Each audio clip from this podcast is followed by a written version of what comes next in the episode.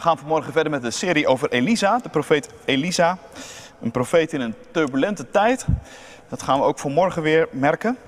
Een paar weken geleden uh, is, is, er, is, het gegaan over het, uh, de eerste helft van dit hoofdstuk, 2 Koningen 2. Dat was in de doopdienst. En vandaag gaan we met de tweede helft van dit hoofdstuk bezig. 2 Koningen 2, we lezen vers 14 tot en met 25. En daarna uit het Evangelie, Lucas 9, vers 51 tot en met 56. Elisa heeft zojuist afscheid genomen van Elia, die zijn leermeester was. En hij heeft zijn mantel gekregen. En daar lezen we het volgende over. Hij sloeg met Elia's mantel op het water. En hij riep uit: Waar is de Heer, de God van Elia? Dus ook hij sloeg op het water en opnieuw vloeide het naar links en naar rechts weg, zodat Elisa kon oversteken. De profeten uit Jericho, die Elisa vanaf de overkant in het oog hielden, zeiden tegen elkaar: De geest van Elia is op Elisa neergedaald. En ze gingen hem tegemoet, ze knielden voor hem neer en ze zeiden: We hebben vijftig flinke mannen bij ons. Laten die uw meester gaan zoeken. Misschien heeft een geest van de Heer hem opgetild en ergens op een berg of in een dal neergeworpen.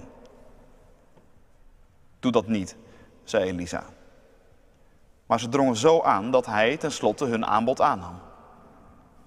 Vijftig mannen werden erop uitgestuurd en zochten drie dagen lang, maar ze vonden Elia niet. Toen ze terugkwamen bij Elisa, die in Jericho zijn intrek had genomen, zei hij tegen hen: Ik had u toch gezegd dat u niet moest gaan zoeken? De inwoners van Jericho zeiden tegen Elisa: De ligging van de stad is goed, zoals u ziet. Maar het water is slecht en de grond veroorzaakt misgeboorten.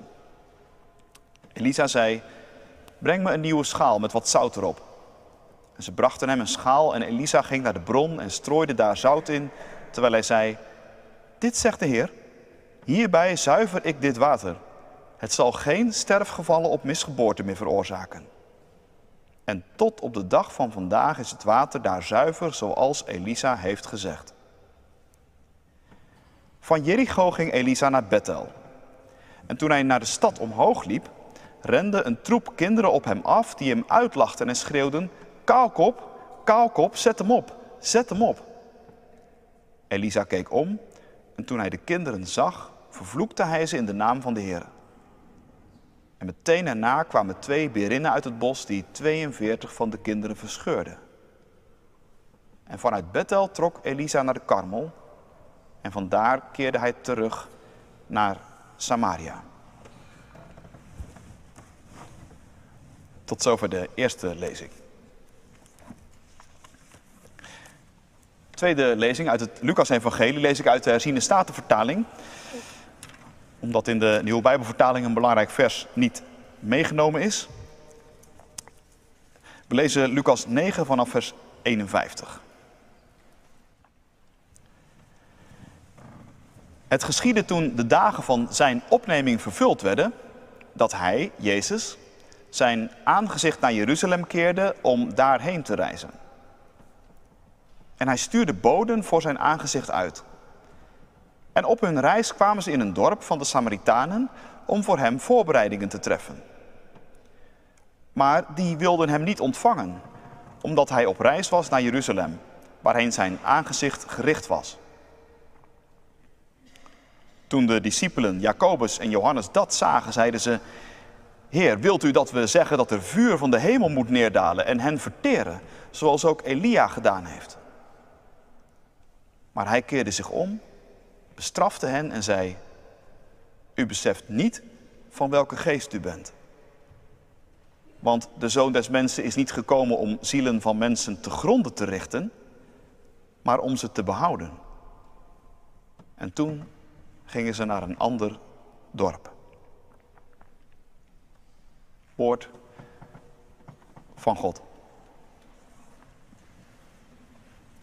In de preek naar aanleiding van dit Bijbelgedeelte uh, focussen we straks eerst een beetje in detail op het slotstuk. Dus dat zijn die versen over Elia, Elisa en die kinderen in Bethel en de beren. En daarna zoomen we iets meer uit, want om dat stukje goed te begrijpen moet je eigenlijk ook een beetje vatten wat er in het hele hoofdstuk gebeurt. En dan eindigen we met een blik op Lucas 9. Zo zit ongeveer de preek in elkaar vanmorgen. Gemeente van Christus, broeders en zusters hier in de kerk of op afstand met ons verbonden. En toen was de beer los. Sterker nog, twee beren. En samen gaan ze maar liefst 42 kinderen te lijf, waar het slecht mee afloopt. Dit is toch wel het type Bijbelverhaal waarvan je hoopte dat het niet bestond, toch? Het type verhaal waar de meeste kinderbijbels een beetje zorgvuldig omheen vertellen. Het type verhaal waarvan je niet hoopt dat een collega of een vriend die niet zoveel heeft met Bijbel of geloof er een lastige vraag over stelt. En het type verhaal dat koren op de molen is voor schrijvers als Guus Kuijer of Dimitri Verhulst. Schrijvers die niet moe worden te benadrukken hoe een ontzettend gewelddadig en verschrikkelijk boek de Bijbel en dan vooral het Oude Testament toch wel is. En 2 Koningen 2 lijkt hen daar nog gelijk in te geven ook. Want de Bijbelschrijvers doen geen enkele moeite om dingen te nuanceren of toe te lichten. Ze hebben totaal geen aandacht voor emoties of gevoelens. Heel kort en staccato wordt het verteld. Toen kwamen er twee berinnen uit het bos en die verscheurden 42 kinderen. Punt. Wat een verhaal. Een gramstorige, humorloze profeet.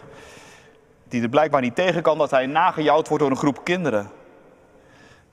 En dan ook meteen maar even flink doorschiet op de escalatieladder. En grijpt naar het krachtigste wapen dat hij in zijn bezit heeft.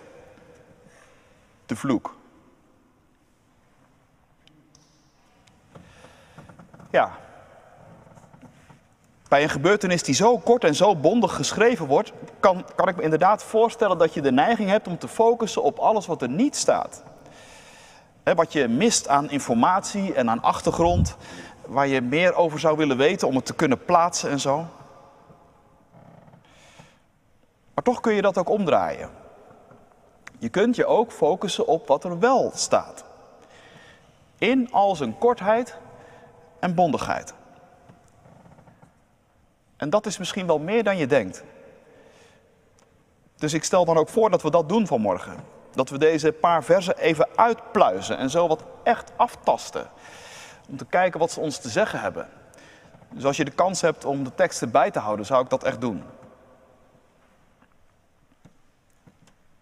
Het eerste dat opvalt is natuurlijk die scheldpartij. Kaalkop, zet hem op. Dat zijn de woorden die kennelijk Elisa zo triggeren dat hij ontploft. Maar waarom? Is dat nou zo erg? Kan Elisa er werkelijk zo slecht tegen dat er de gek wordt gestoken met zijn blijkbaar kale hoofd? Ja, natuurlijk, als je voor de spiegel staat en je constateert voor jezelf bij, het, e- voor, bij jezelf voor het eerst grijze haren, of je merkt dat je eh, voorhoofd toch zo langzamerhand wat hoger begint te worden, dan, dan is dat natuurlijk niet zo leuk. En als daar nog een keer door iemand een pesterige opmerking over gemaakt wordt, dan denk je ook al gauw van ja, oké, oké, ik weet het wel. En je lacht er misschien een beetje om, als de spreekwoordelijke boer met zijn kiespijn. Maar dan houdt het toch wel eens ongeveer op, toch? Is dat hier blijkbaar zo, zoveel anders? Ik denk het wel. Het is bijvoorbeeld maar zeer de vraag of het wel gaat om Elisa's kaalheid. In de zin van een lichaamskenmerk, zoals wij grijze haren hebben, of o-benen of flaporen. Het was in het Midden-Oosten heel gebruikelijk om hoofdbedekking te dragen tegen de felle zon, of je nou kaal was of niet. Dus de kans dat die schreeuwers wisten of zagen dat Elisa kaal was, is heel klein.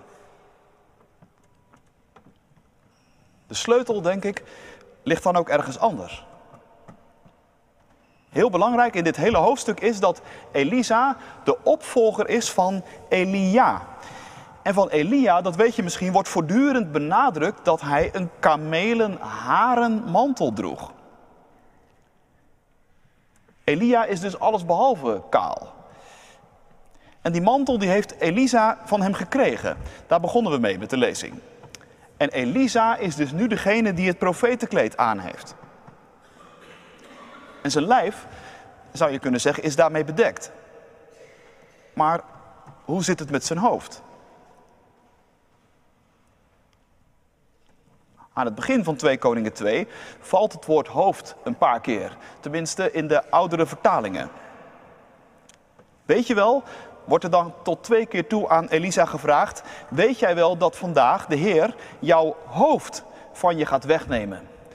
De meeste nieuwe vertalingen zeggen jouw meester of jouw leidsman. Dat klopt wel, maar er staat dus hoofd. Anders gezegd, weet je wel Elisa dat jij binnenkort niet meer op de bescherming van Elia kunt rekenen? En dat je er alleen voor staat. Ja, ja, zegt Elisa dan, dat weet ik ook wel. Hou je mond maar.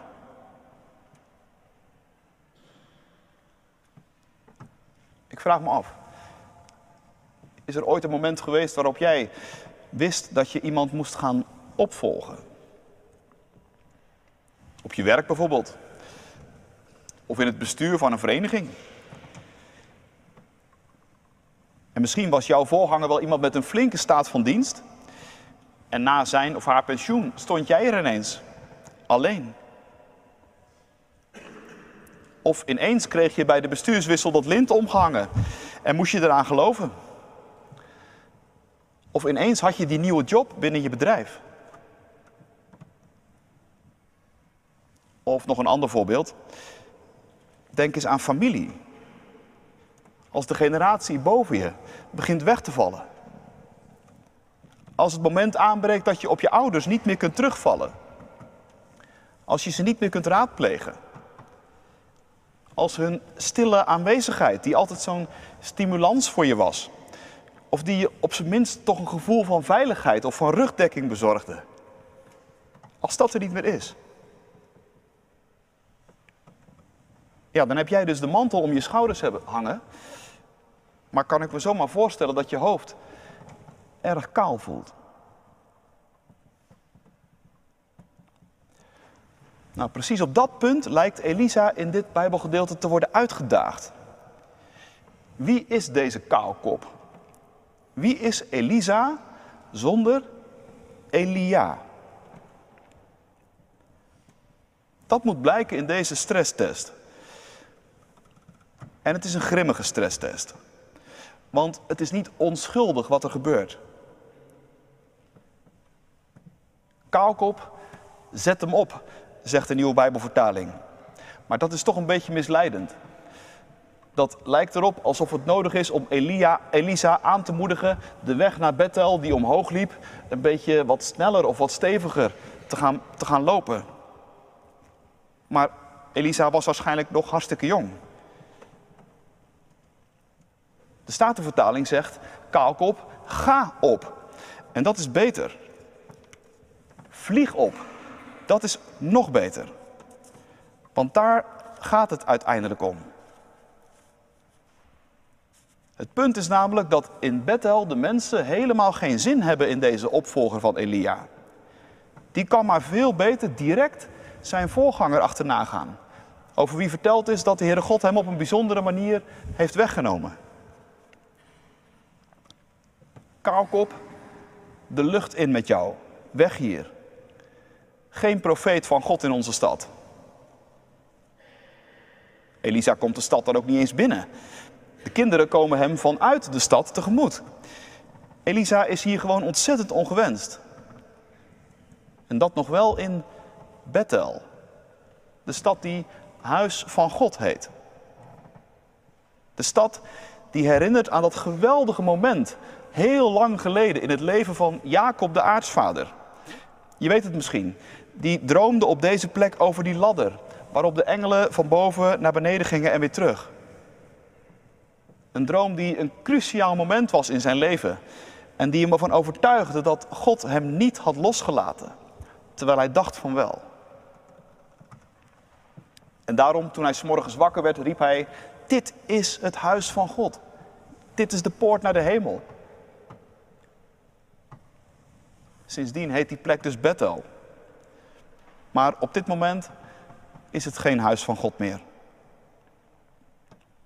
Nou ja, er wordt wel het een en ander vereerd, maar dat heeft met de God van Abraham en Isaac en Jacob niet zo erg veel te maken. Er staat ergens een gouden kalf in een tempel.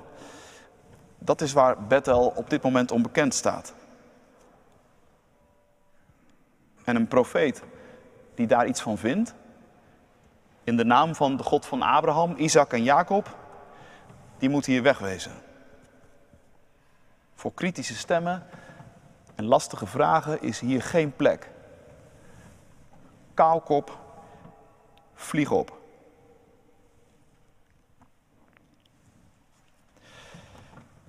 En dat gevoel wordt in deze stad Bethel blijkbaar breed gedragen. Want de complete jongere generatie van de stad komt naar buiten om het tegen Elisa te zeggen.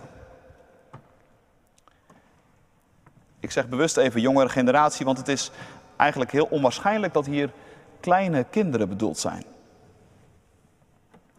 Het woord dat gebruikt wordt in het Hebreeuws kan verschillende kanten opgaan. En in Twee Koningen wordt het veel vaker gebruikt, maar dan voor mensen die een stuk ouder zijn. Bijvoorbeeld voor de knecht van Elisa, later Gehazi. Of in de vrouwelijke vorm voor het dienstmeisje van Naaman.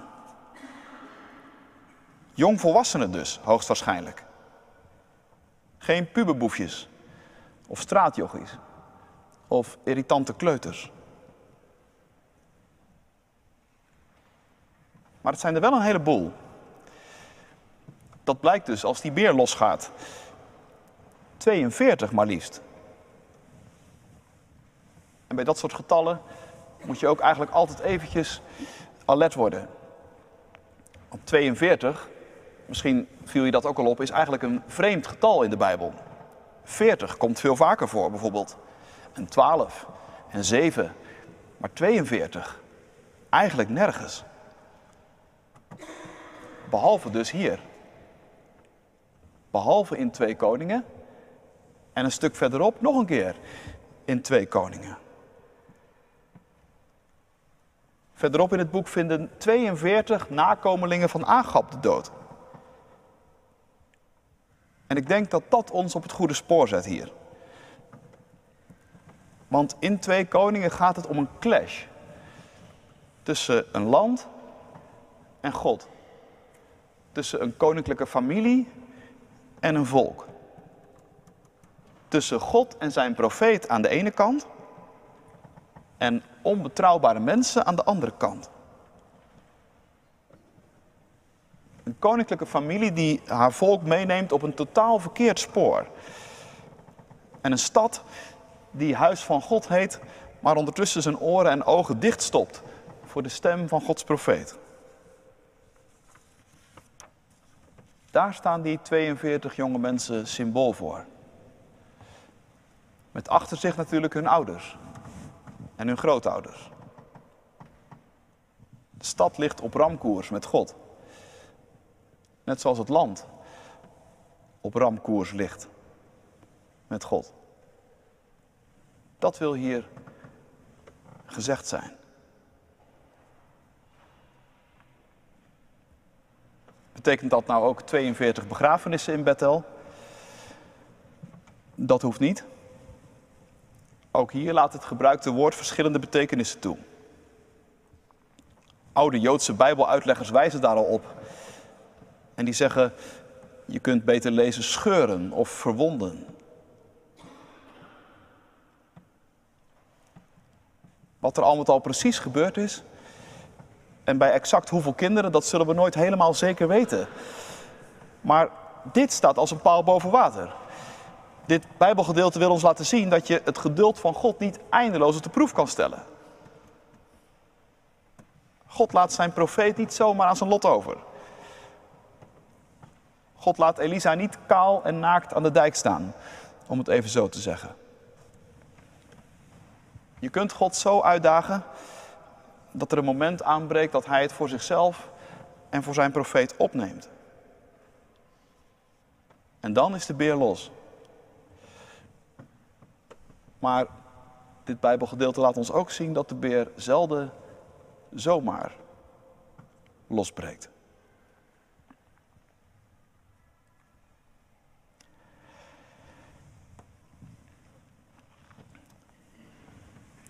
Tot hier even de details. Laten we ook nog wat uitzoomen. Want om het te plaatsen moeten we ook zien wat er nog meer gebeurt in het hoofdstuk. Het hart van dit hoofdstuk, dat is de hemelvaart van Elia. Elia, de grote godsman, de geestelijke leider van Israël, die is er niet meer. En dat is een ontzettend spannend moment. voor Elisa, dat zagen we al. Elisa heeft niemand meer waar hij tegenaan kan leunen. Hij heeft wel die mantel van Elia om, maar hij voelt zich ondertussen kaal en kwetsbaar. Want zal hij geaccepteerd worden? Dat is de vraag. Maar voor Israël in brede zin is het eigenlijk ook heel spannend. Want wie gaat het stokje van Elia eigenlijk overnemen? Zal er inderdaad opnieuw iemand opstaan met echt het geestelijk gezag dat Elia had? En nu is er iemand die zich meldt met dezelfde mantel om zijn schouders.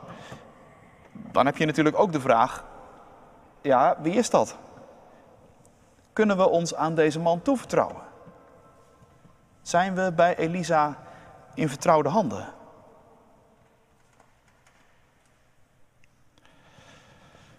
Nou ja, dacht ik, als je er zo naar kijkt, dan komt het hoofdstuk ook nog weer ineens heel dichtbij, vind je niet? In een land waarin we toch best wel met een fikse vertrouwenscrisis te maken hebben. En waarin heel veel mensen zich afvragen: bij wie ben ik eigenlijk veilig? Zijn er nog politici waarin we ons, waaraan we ons een beetje durven toe te vertrouwen? Zijn er nog geestelijke leiders waar we ons aan durven toe te vertrouwen? Een gezagvolle generatie doet een stap terug. Mensen aan wie je misschien wel heel veel gehad hebt, waar je je jarenlang aan hebt opgetrokken. In je geloof, of in je visievorming op de dingen.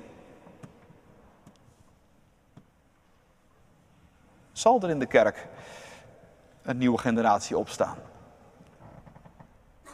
Zal er iemand opstaan? Zullen er mensen opstaan die met, met geestelijk gezag nieuwe wegen wijzen in nieuwe tijden? Zullen er mensen komen en zijn die vertrouwen weten te winnen en dat ook weten waar te maken? Misschien is dat ook jouw vraag wel.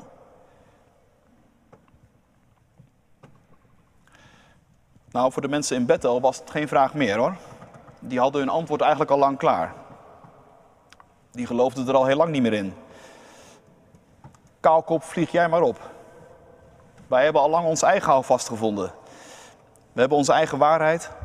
Daar hebben we jou en je God eigenlijk niet bij nodig. Eigenlijk, daar hebben we jouw God zeker niet bij nodig. En in Bethel zie je hoe diep dat inmiddels ingevreten is. Het is zelfs behoorlijk overtuigend overgedragen aan een jonge generatie.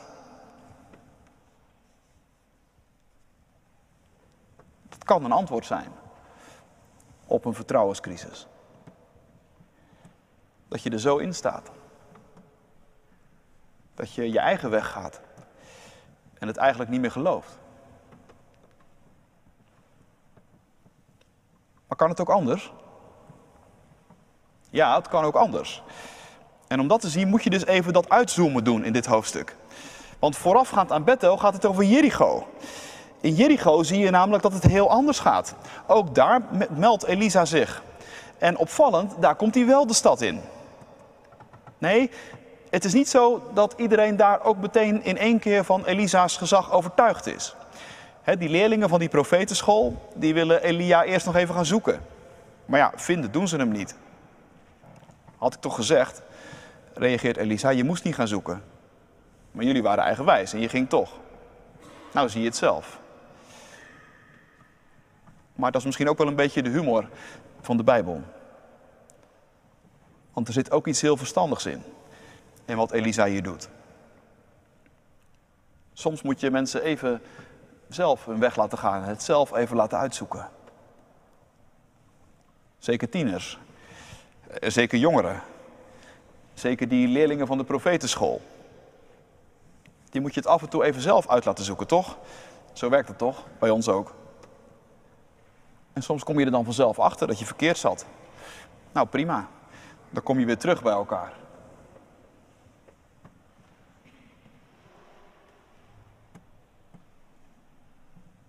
Dan die andere scène. Het stadsbestuur. Mooie plek hoor, Jericho, zeggen ze tegen Elisa. We wonen hier graag. Echt een fijne stad. Maar ja, er is wel wat aan de hand.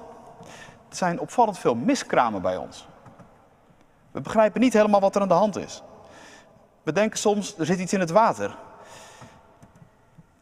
En daar doet Elisa dan ook zijn eerste wonder. In Jericho notabene. In de stad waar eigenlijk de vloek op rustte. In die stad, die niet opgebouwd had mogen worden van God, maar wat toch gebeurde, wordt de profeet toegelaten en binnengelaten. En wordt hij serieus genomen. En als dat gebeurt, dan zie je dus dat zelfs in de stad van de vloek de zegen kan gebeuren. En de profeet, ik weet zeker dat hij daarvoor vast en zeker voor goed het vertrouwen gewonnen heeft.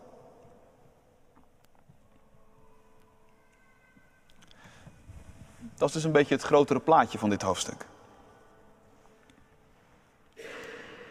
En tot slot, tot slot dacht ik vanmorgen aan twee toepassingen eigenlijk. De eerste vraag die uit dit hoofdstuk naar ons toe komt, lijkt me deze. Hoe gaan wij nu eigenlijk om met profetische stemmen in ons leven? Met stemmen die ons storen. Die door ons heen praten en die het niet automatisch met ons eens zijn. Die bijvoorbeeld wel eens een kritische vraag stellen bij onze vroomheid. Of bij onze burgerlijkheid. Of juist bij onze snelle, hippe stadsigheid. Of bij ons ongeloof. Of, nou ja, waarbij niet. Niemand blijft buiten schot. Wat doe je met zo'n stem? Nou, de optie Bethel zegt, niet zo'n stem in mijn leven. Geen profeet in onze stad. Scheer je weg, kaalkop. Wij zoeken het hier zelf al uit. Maar er is dus ook een andere optie. Dat is de optie Jericho. Die zegt, wij voelen aan dat er iets niet in orde is. We kunnen niet helemaal de vinger op onze kwaal leggen, maar iets staat hier de groei en de bloei van ons en onze stad in de weg. Welkom profeet, want we denken dat u hier in Gods naam iets kunt betekenen. Twee reacties dus op de stem van de profeet. En aan ons de vraag, in welke stad woon jij? Of in welke stad wil je wonen? En is dat hetzelfde?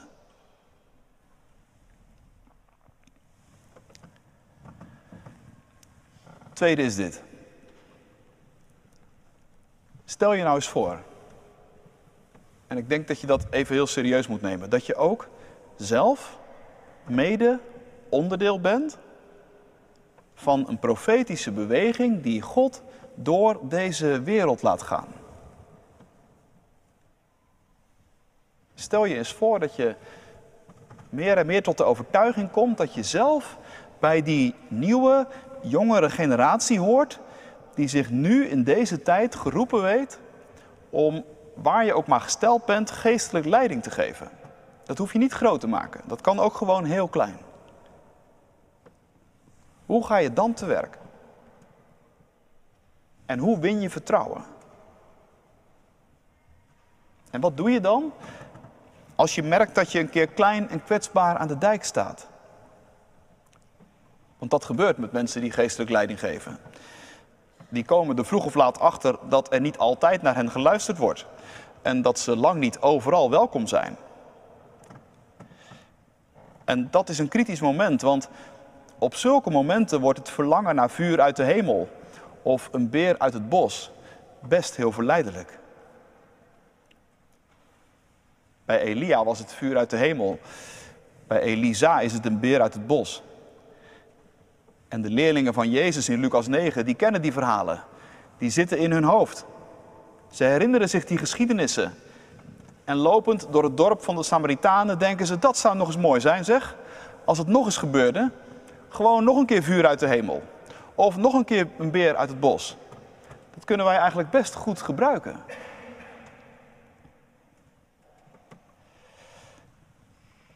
Maar wat zegt Jezus dan?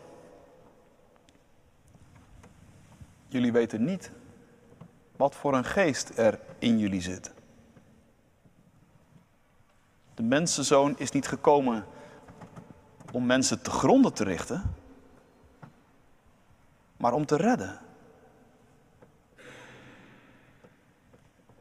Kijk, zo maakt Jezus dus ruimte voor de naam van God. En zo kan ook alleen Hij spreken. Hij die op zo'n unieke manier met ontferming bewogen is over boze mensen en over goede mensen, over mensen in Jericho en over mensen in Bethel, zo gezegd.